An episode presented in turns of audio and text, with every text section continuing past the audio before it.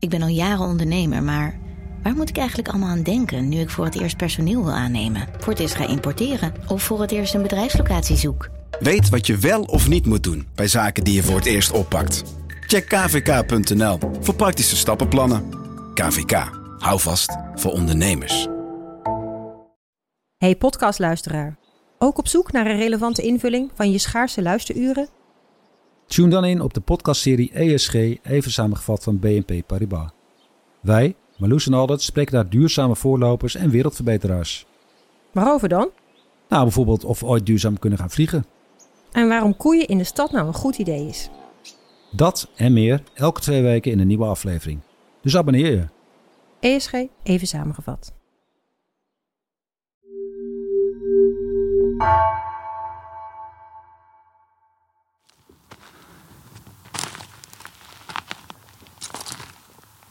Jeetje.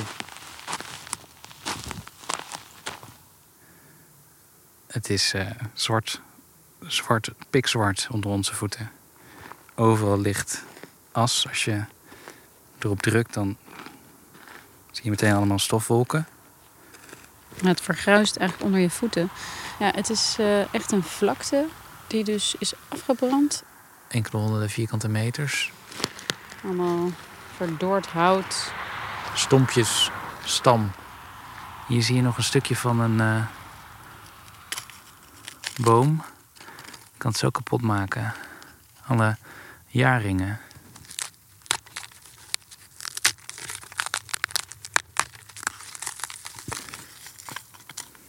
En mijn vingers zijn nu helemaal zwart van het roet.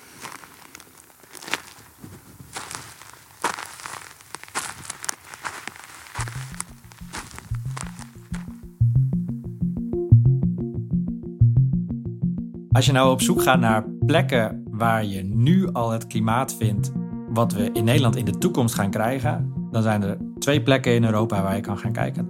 In het westen, zuidwesten van Frankrijk of in het noorden van Italië. Wij, Maarten en Floor, gingen met de trein naar Frankrijk, naar Bordeaux in omgeving. We waren er in de warme nazomer van 2022. Het was de zomer waarin extreem weer overal toesloeg. Zo overstroomde een derde van Pakistan en verergerde de droogte in Oost-Afrika, waardoor miljoenen mensen honger lijden. In Europa was het de warmste zomer ooit gemeten. Extremiteiten die passen bij klimaatverandering. Ook in de omgeving van Bordeaux was het droog. Bijna 65.000 hectare aan natuur in heel Frankrijk brandde af, waarvan ongeveer de helft in Zuidwest-Frankrijk. Vanuit de ruimte zag je een gigantische rookwolk uitwaaieren tot ver boven de Atlantische Oceaan. Als een enorme, spookachtige mistbank.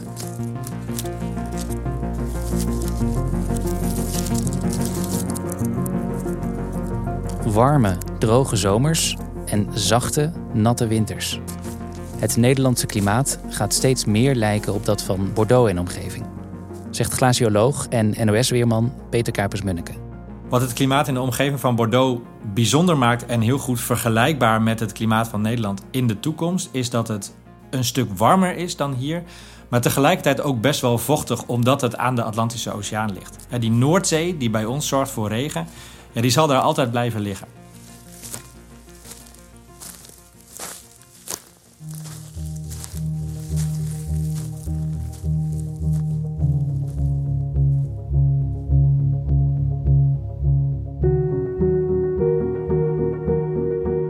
Luistert naar Boven Water, een podcast van NRC over extreem weer in Nederland door klimaatverandering.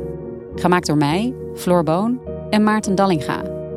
Ook Mandula van den Berg was deel van de redactie.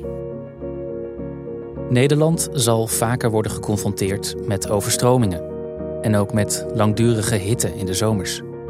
Door extreme droogte stijgt de kans op grote natuurbranden. In de vorige aflevering hoorde je hoe de overheid te weinig maatregelen neemt om toekomstig ontwrichtend extreem weer zoveel mogelijk te voorkomen. In deze aflevering kijken we naar de rol van bedrijven en onderzoeken we de verantwoordelijkheid van het individu. Welke rol hebben burgers bij het tegengaan van ontwrichtend extreem weer? We hebben zoveel kennis over de gevolgen van klimaatverandering. Toch blijkt het vaak moeilijk om te veranderen. Hoe werkt de psychologie achter ons eigen gedrag? Dit is aflevering 3. Rookgordijn.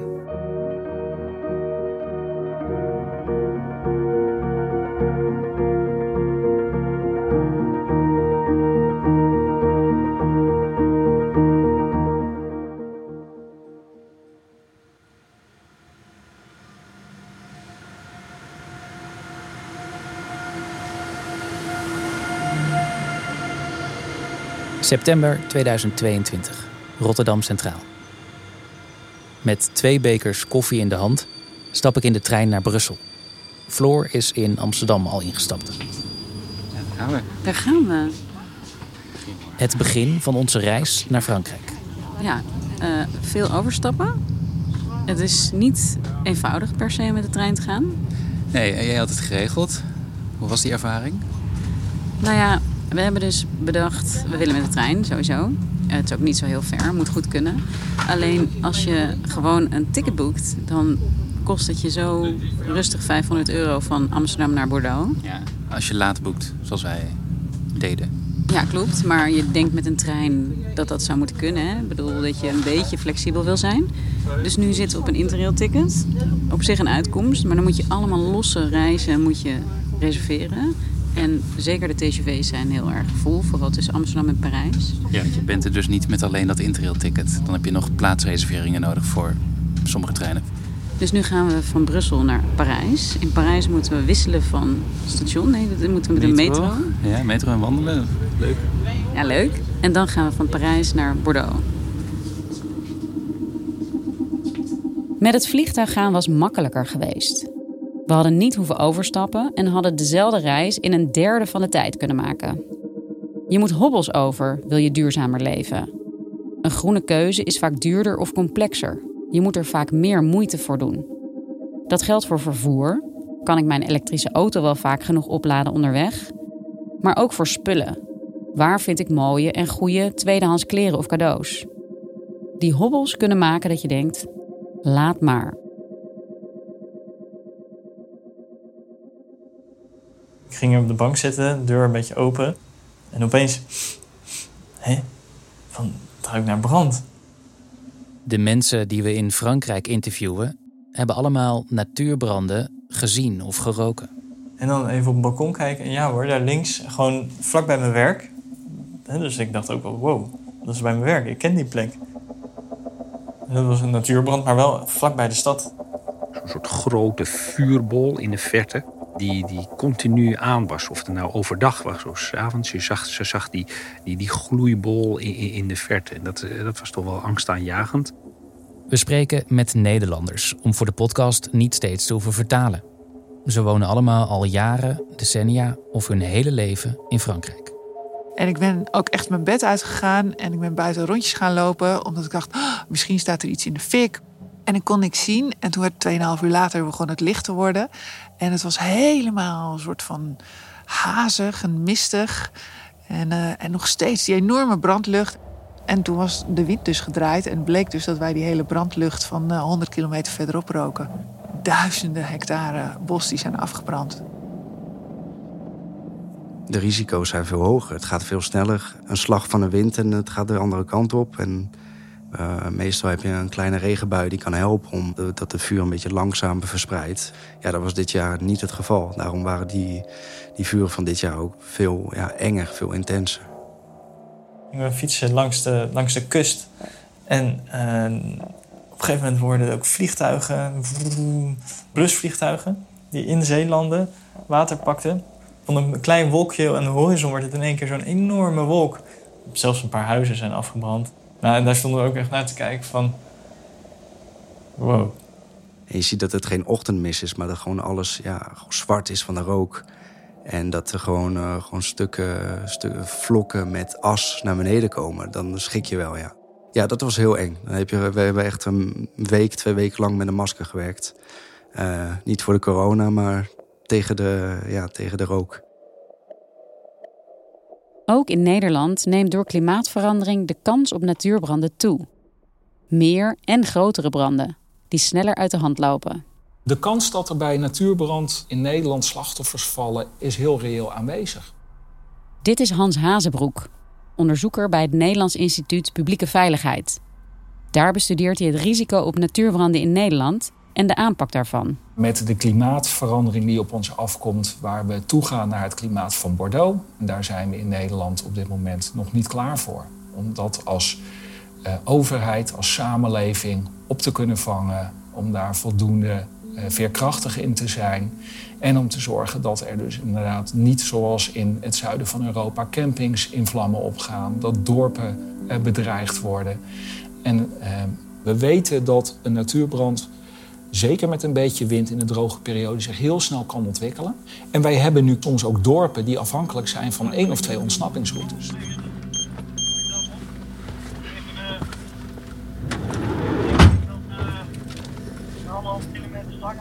In Nederland is het vooral het feit dat we heel veel verschillende functies in en rond de natuur hebben uh, uh, aangebracht, het probleem. En dat betekent dat een relatief kleinere brand toch al een grote impact kan hebben. In het dichtbebouwde Nederland lopen natuur en bebouwing overal door elkaar. Ook in bossen vind je hoogspanningslijnen voor elektriciteit en datamasten voor internet. Ze zijn kwetsbaar voor branden, net als bijvoorbeeld zorginstellingen, die vaak expres in of dichtbij natuurgebieden zijn gebouwd. Juist vanuit het idee dat het voor uh, voor het leefcomfort en voor de behandeling van, van sommige patiënten heel erg gunstig is om op, op een rustige plek te zitten. Maar dat betekent dus nu ook dat in het licht van klimaatverandering dat dat steeds meer een probleem zou kunnen gaan worden. Daar zullen we anders naar moeten gaan kijken. En dus ook de burgers in Nederland, met name degenen die in of langs natuurgebieden wonen, een bepaalde mate van handelingsperspectief mee zullen moeten gaan geven van wat moet je nou doen als dat bij jou gebeurt.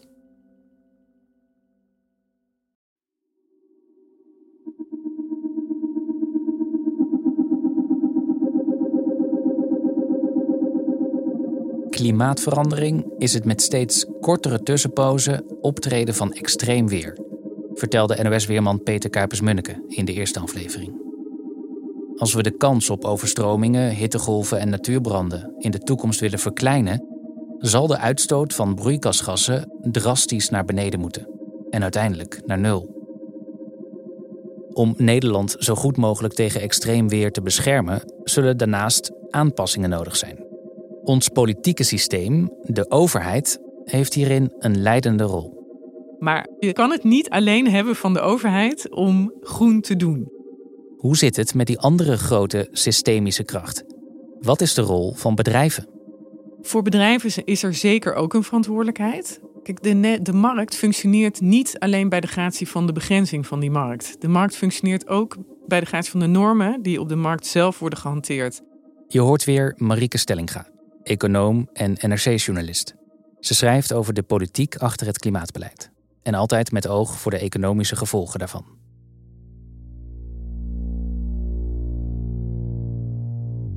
Grote, vaak internationale bedrijven zijn verantwoordelijk voor de meeste uitstoot van broeikasgassen.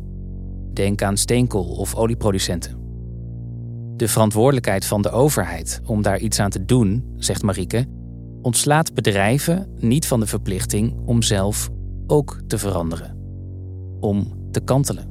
Elk bedrijf moet zich afvragen waar ben ik mee bezig en gaat dat eigenlijk wel samen met een groene toekomst. En ik denk dat in Nederland, in de industrie, maar ook onze glastuinbouw, hele zware vragen hangen daar boven het hoofd. Kan jij nog wel functioneren in een wereld die groen is, in een klein land als Nederland waar de ruimte beperkt is?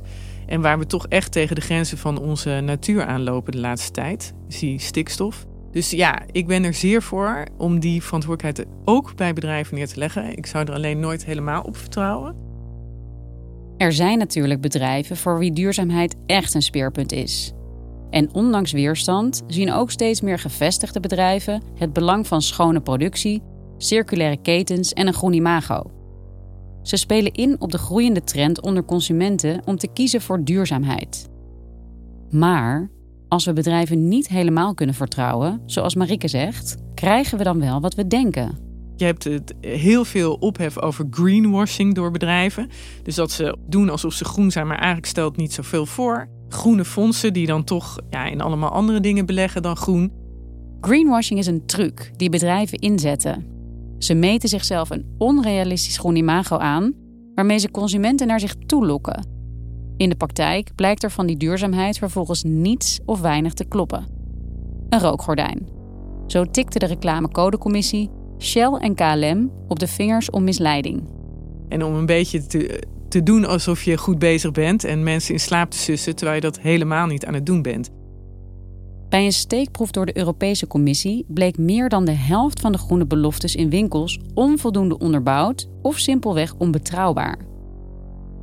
Greenwashing is vals spelen, waarbij het winstoogmerk voorop staat en de kosten die een echt groene verandering met zich mee zouden brengen, niet worden of wensen te worden gemaakt.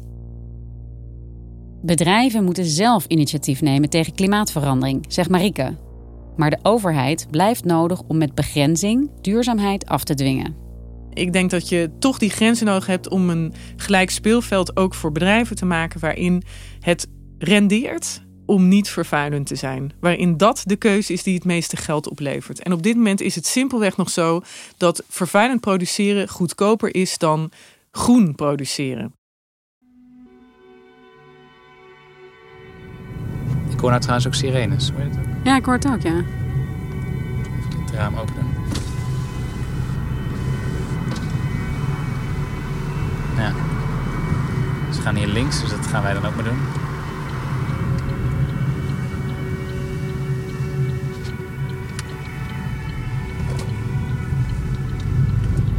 Ja, hier rijden we door het dorp heen. Misschien dat daarom ook de sirene iets meer weer klinken. Ik denk dat dit Hourtin is. We rijden in onze huurauto. Zo'n 80 kilometer ten noordwesten van Bordeaux. Dicht bij de kust. Een gebied vol naaldbossen met varens. Het is nog zomer, maar door de droogte zijn veel bomen en planten nu al bruin. En ineens zagen we eigenlijk in tegengestelde richting, nou, vier, vijf, zes. Ja, meer nog volgens mij. Brandweerwagens en brandweerauto's.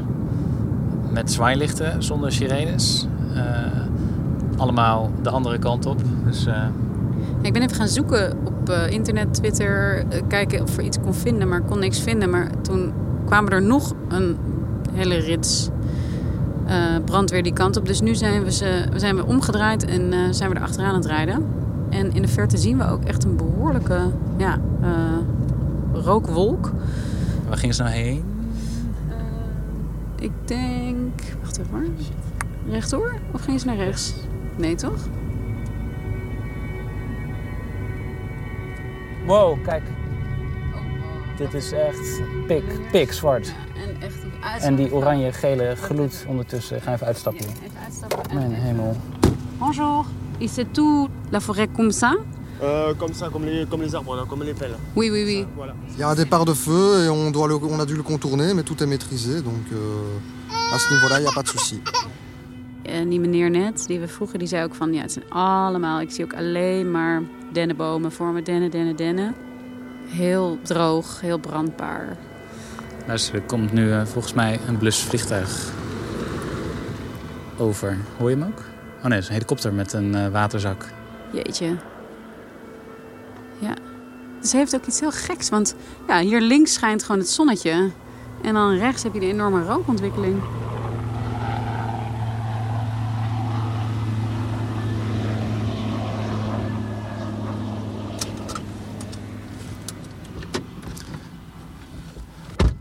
Floor gaat eh, kijken of we nog kans maken met onze perskaart om iets dichterbij te komen.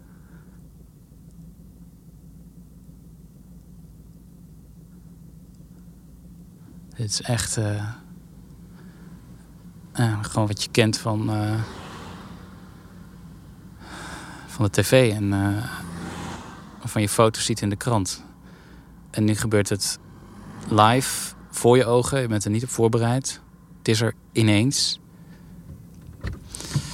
Ja, wat eh, zeiden ze? Ze zei het zijn twee vuren. We mogen hier niet rechtdoor. Maar ze zei je kan wel even hier naar rechts. En dan kijken of je daar nog een klein stukje omheen kunt. Dus laten we dat even proberen.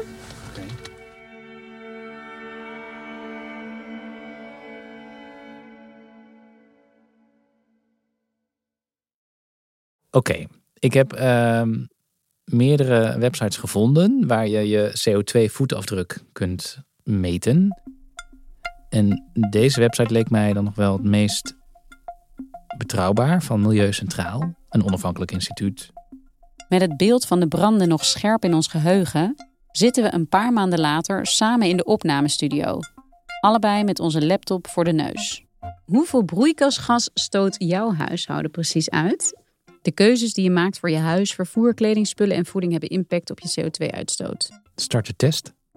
We vinden dat het tijd is om ook eens heel kritisch naar onszelf te kijken. Uit hoeveel personen bestaat jouw huishouden, inclusief jezelf? Ehm, ja, vijf. Twee. Heb je een auto? Nee, geen auto. Ja, ik heb een auto. Uh, je kan ook nog kiezen uit klein, middelgroot of groot. Mag je dan zelf bepalen? Volgens mij, Ja, ik heb erin nou, ik gezeten, heb geen kleine is het best wel auto. groot. Ik heb een grote auto. Hoe vaak per week gebruikt jouw Waar huis... rijdt deze auto op? Wacht. Oh. Benzine. Het heeft zeker zin om als individu eh, ook je gedrag te veranderen. Ook al kun je het idee hebben dat het een druppel op de gloeiende plaat is. Omdat jouw eigen gedrag ook een soort eh, eh, butterfly-effect kan hebben op anderen. Met dat vlindereffect bedoelt klimaatpsycholoog Gerdien de Vries... kleine bewegingen kunnen grote veranderingen veroorzaken. Gerdien is universitair hoofddocent aan de TU Delft... en doet gedragsonderzoek op het gebied van duurzame energie. Letterlijk gezien is individueel gedrag natuurlijk een druppel op een gloeiende plaat. Maar heel veel druppels op een gloeiende plaat, dan gebeurt natuurlijk ook wel wat. En dat, dat zou dan heel, heel moreel eh, goed kunnen klinken van ja, iedereen moet wat doen. Maar dat, het is natuurlijk wel zo. Als je als, als je als persoon iets wil veranderen, dan moet je ergens beginnen. Heb je zonnepanelen? Nou, we hebben ze gehad. We zijn net verhuisd en we willen ze weer, maar nu hebben we ze niet. Ik heb ze wel. Hoeveel zuivel eet en drinkt jouw huishouden per week? Heel af en toe koop ik kaas. Ik eet elke dag yoghurt. Dus, Kaas, eh, ja. En ik ben best wel dol op kaas. I love kaas. Dan, ja, bij het avondeten wel ook, ja, kaas. Geraspte kaas. Dat vind ik heel lekker. Ik heb de laatste gekozen. Ik weet dat de klimaatafdruk van kaas groot is. Je ziet dat als mensen in een omgeving zitten waar een andere duurzaam gedrag vertonen, dat hun motiveert om dat ook te doen. Ook psycholoog Anne van Valkengoed, onderzoeker aan de Rijksuniversiteit Groningen, specialiseerde zich in klimaatgedrag. Dus als jij je eigen gedrag aanpast, kan je ook daarmee andere mensen motiveren om hun gedrag aan te passen. Om een concreet voorbeeld te geven. eh, er is heel veel onderzoek over zonnepanelen. En dan gaan ze met eh satellietfoto's kijken naar hoe verspreiden zich zonnepanelen in wijken. En daar zie je duidelijk een effect dat als één huis zonnepanelen installeert, dat daarna andere huizen ook volgen. En ze hebben ook weten te bepalen dat dit effect afhankelijk is van de zichtbaarheid van die panelen. eh, als je dus op de straat staat. Dus hier zie je een duidelijk effect dat mensen echt kijken naar wat in hun sociale omgeving gebeurt. En vervolgens dan hun gedrag daar ook eh, naar, eh, naar aanpassen. De CO2-voetafdruk van jouw huishouden is tamelijk Klein. klein. Ja, Wat denk je bij mij? relatief klein. Tamelijk klein. Bij voeding zit ik op geel. Dat is vast die kaas. De kaas. Ja, hoge uitstoot levert dat op. Dus dat te denken, moet ik daar niet helemaal van af. Maar nu, zo'n twee maanden later, eet ik nog altijd kaas. En ik woon in een veel te groot huis met alleen mijn vriend. En dat moeten we verwarmen. En ik rij in een benzineauto. Ik heb een droger. Ik douche te lang. En ondanks toenemende vliegschaamte zal ik zeker nog wel eens vliegen. Dat klimaatverandering volledig of vooral door de mens komt, daarvan is zo'n driekwart van de Nederlanders overtuigd. Ruim 70% maakt zich er ook zorgen over. En toch blijven we met z'n allen volop broeikasgassen uitstoten. Wat houdt onszelf en anderen tegen om meer te doen? Om te kantelen? Moet ons eigen huis eerst overstromen? Moeten de branden nog dichterbij komen? Eigenlijk werd er vaak aangenomen in de literatuur dat risicoperceptie en ervaring met extreem weer, dat dat de twee dingen waren die de belangrijkste triggers waren voor mensen om zich te gaan aanpassen. Dit is weer psycholoog Anne van Valkengoed.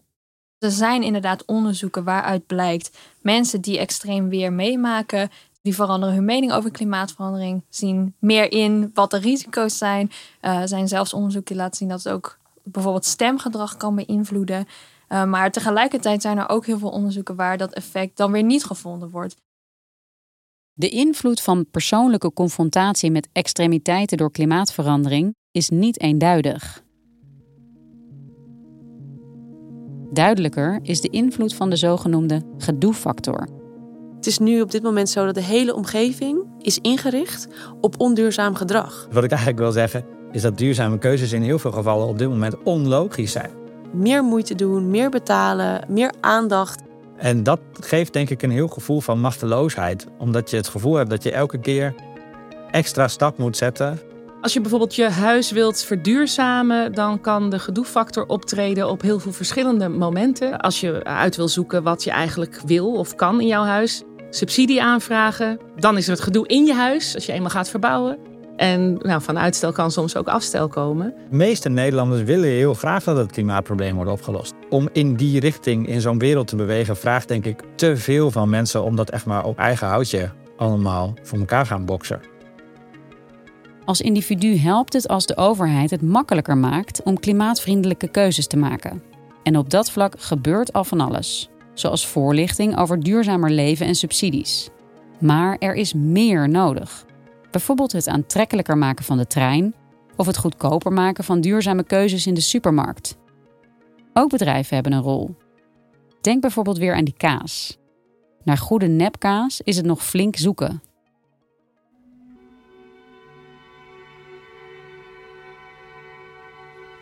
Vrij heftig. Deze wolk komt, hij komt ook echt zo steeds dichterbij. Wow.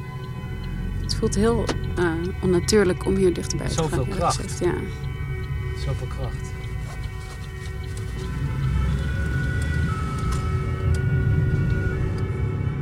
De brand was er één zoals zoveel branden die zomer in Zuidwest-Frankrijk. Een uit de hand gelopen boerderijbrand die wild om zich heen kon grijpen in de uitgedroogde bossen. Het gek is als je zo de hoek om bent, dan is het al gewoon weer uit je blikveld. En dan eh, We staan op heet asfalt en kijken naar de brand. Tussen de bomen zien we af en toe plots een oranje gloed. De vlammen. Kijk naar die zwarte, zwartste wolken. ja. Die gaan echt, voor mijn gevoel, heel snel nu. ja, maar daar nemen Naar die rechts. zwarte wolken af. Kijk nu.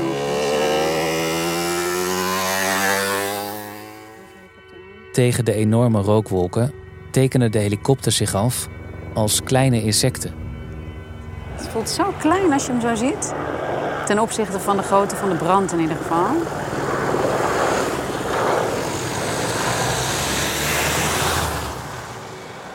Hij verdwijnt daar eigenlijk de rook in.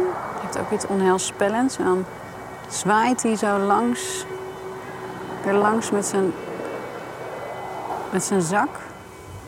Uh, los te laten. Ja, die gaat echt, je ziet zo het water uit die, uit die zak stuiven.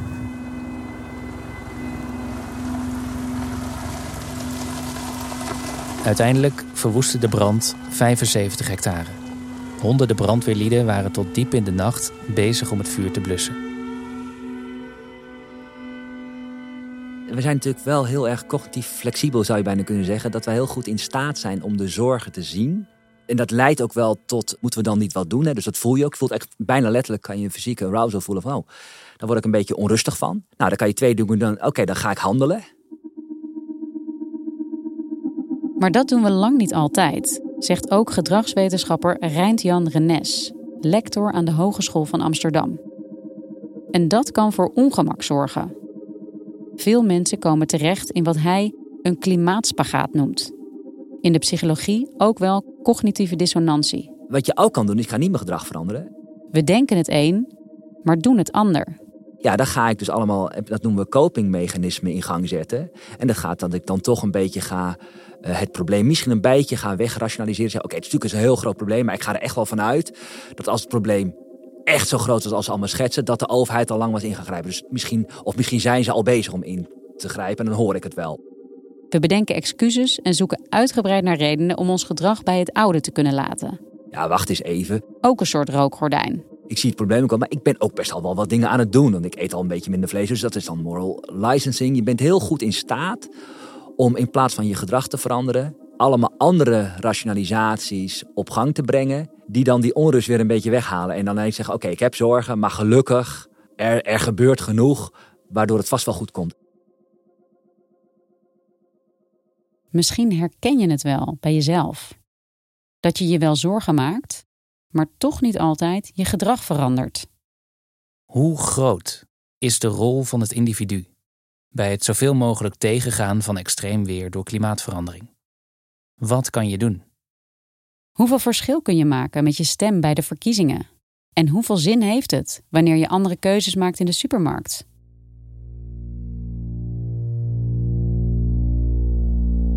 Het kan een machteloos gevoel geven. Nadenken over wat jij als individu kunt doen tegen klimaatverandering. Soms lijkt de makkelijkste keuze misschien om niets te doen. Alsof je je omdraait bij een bosbrand, zodat je de vlammen niet meer ziet. Dat kan heel ongemakkelijk zijn. Wel weten, niet doen. Voor jezelf en ook in relatie tot anderen. Jij mag geen biefstuk meer eten.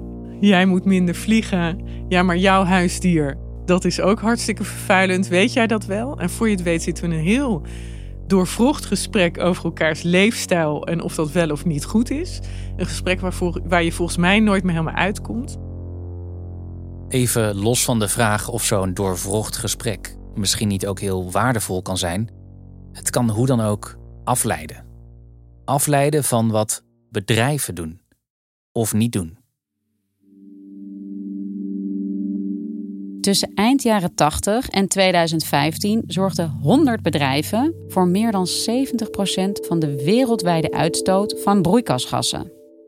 Begin 2023 bleek dat wetenschappers van olieproducent ExxonMobil in de jaren 70 al veel wisten over de gevolgen van fossiele brandstoffen voor het klimaat. Terwijl de top daar in detail van op de hoogte was, zette de oliegigant publiekelijk vraagtekens bij de ernst van het klimaatprobleem. Ook Shell zaaide twijfel, terwijl ook dat bedrijf al lang beter wist. En dan de test die we eerder deden om onze klimaatvoetafdruk te meten. Nu zijn er veel van dat soort onderzoekjes te vinden online. Maar het origineel komt uit de koker van een reclamebureau. En werd in 2004 ontwikkeld in opdracht van een van de grootste vervuilers ter wereld. BP, British Petrol. Een briljante zet als je erover nadenkt. Ze probeerden zo de aandacht af te leiden van de voetafdruk van BP zelf, door mensen zich individueel verantwoordelijk te laten voelen voor de toekomst van het klimaat. Soms laten overheden en bedrijven het lijken alsof echte verandering begint bij jou, bij jezelf. Alsof alleen jij als individu verantwoordelijk bent voor je eigen gedrag en handelen. Dat is een overschatting. Als individu is het onmogelijk om echt duurzaam te leven binnen het huidige systeem. En toch, toch kun je als individu een verschil maken. En daar gaan we in de volgende aflevering op door. Toen dacht ik, ja, dan moet ik het opschrijven ook. Dus toen heb ik het opgeschreven. Maar wel met de inslag van uh, als een waarschuwing. Toen hebben we er wel over gesproken. Ik weet nog dat dat helemaal geen leuk gesprek was. Want ik werd toen wel best, uh, denk ik, streng voor hem en onaardig. Ik heb me altijd veel eenzaam uh, erover gevoeld. Een soort muurtje tussen mij en de ander. En nu zie ik meer de uitdaging erin om te zoeken naar hoe ik aansluiting kan vinden. Een heel concreet voorbeeld van waar de sociale ongelijkheid van uh, de gevolgen van klimaatverandering heel duidelijk naar voren komt, uh, is bijvoorbeeld de stad Den Haag. We zijn verdeeld in kleur. We zijn ook verdeeld in financiële mogelijkheden. Perspectief is heel belangrijk in wat een probleem is. Boven Water is een podcast van NRC. Gemaakt door Floor Boon, Maarten Dallinga en Mandula van den Berg. Montage Maarten Dallinga en audiochef. Muziek Maarten Vos. Eindredactie Mirjam van Zuidam. Chef van de audioredactie is Anne Moraal. Het beeldmerk werd gemaakt door Marijn Hos. Iedere woensdag verschijnt een nieuwe aflevering. Reacties bovenwater.nrc.nl